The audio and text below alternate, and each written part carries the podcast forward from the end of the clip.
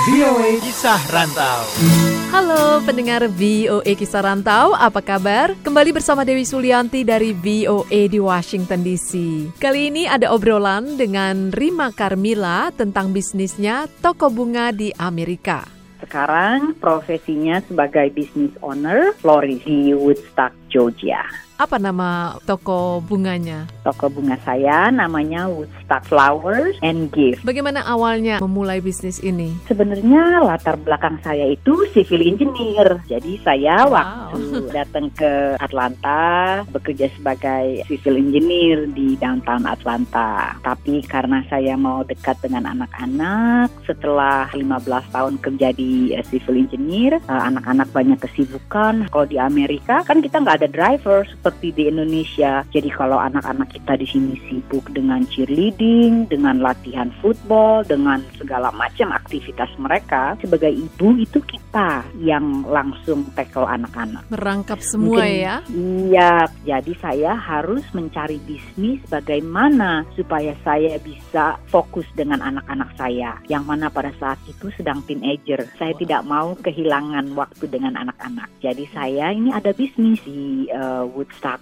eh, Georgia. Eh, florist ini udah sekarang umurnya 43 tahun. Wow. Rima sendiri menekuninya sudah berapa lama? Nah, karena ini for sale, eh, saya owner yang kelima, terus saya beli, sekarang saya udah yang keenam tahun. Iya. Bagaimana sejauh ini? Alhamdulillah, selama saya beli, saya sudah eh, triple bisnis saya. Wow, Tahun. sudah balik modal ya? Malahan sudah Iya. sudah untung dua kali lipat. Syukur, iya. Dulu pernah belajar di mana merangkai bunga ini? Sebenarnya mungkin bakat saya eh, otodidak ya, Hmm. karena saya suka art. Waktu di Indonesia pun saya selalu eh, membuat rancangan bunga untuk di rumah ya. Memang saya suka dengan yang seni-seni tari, seni membuat bunga atau menjahit. Saya juga take school untuk upholstery buat Iya. bangku itu kan sofa-sofa. Eh, berapa harga kisaran rancangan bunga yang Eh, dijual di tempat Anda? kalau untuk deliver eh, itu minimum harga rancangannya harus 35 dolar. Kalau paling mahal, 500, 600 banyak pelanggannya. banyak sekali.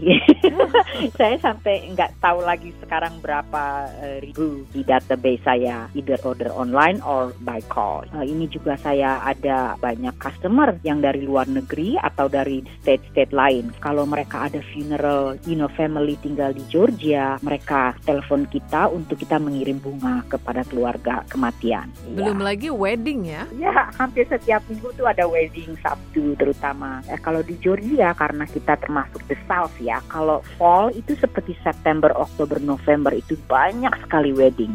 Ada berapa pegawai Anda? Kalau untuk hari biasa sekitar 6 sampai 7. Kalau eh, holiday eh, seperti Thanksgiving, Christmas, eh, Valentine, Mother's Day, prom season, you know, Ya. bisa 15 orang. Apa suka dukanya? Sukanya karena bunga itu harum uh, dan make me happy, make everybody happy. It doesn't matter is for a funeral or it's for a wedding. If you not happy to see flowers, it gotta be something wrong with you. Nah, dukanya kadang-kadang dari flower shop saya itu rancangan bunga bagus sekali ya. Uh, Iya. Semuanya masih segar. Setelah kita kirim ke customer, especially waktu musim dingin, itu kan rumahnya pakai heater. Iya. Ditaruh bunganya itu di bawah heater ya tiga hari udah layu karena kan eh, Panas. panas. Jadi kan kita harus membuat customer happy. Jadi Iya. dia selalu telepon kita, terutama di Amerika orang tuh suka sekali dengan bunga. Iya. Dalam setahun itu mereka tuh paling tidak tiga kali birthday, anniversary,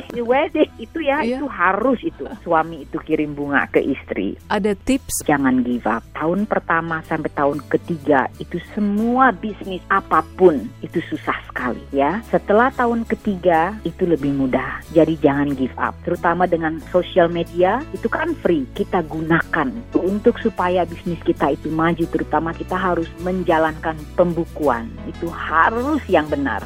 Itu tadi obrolan dengan Rima Carmila tentang bisnis toko bunganya yang sukses di Amerika. Semoga inspiratif. Dari VOA di Washington DC, Dewi Sulianti, pamit. The voice of America.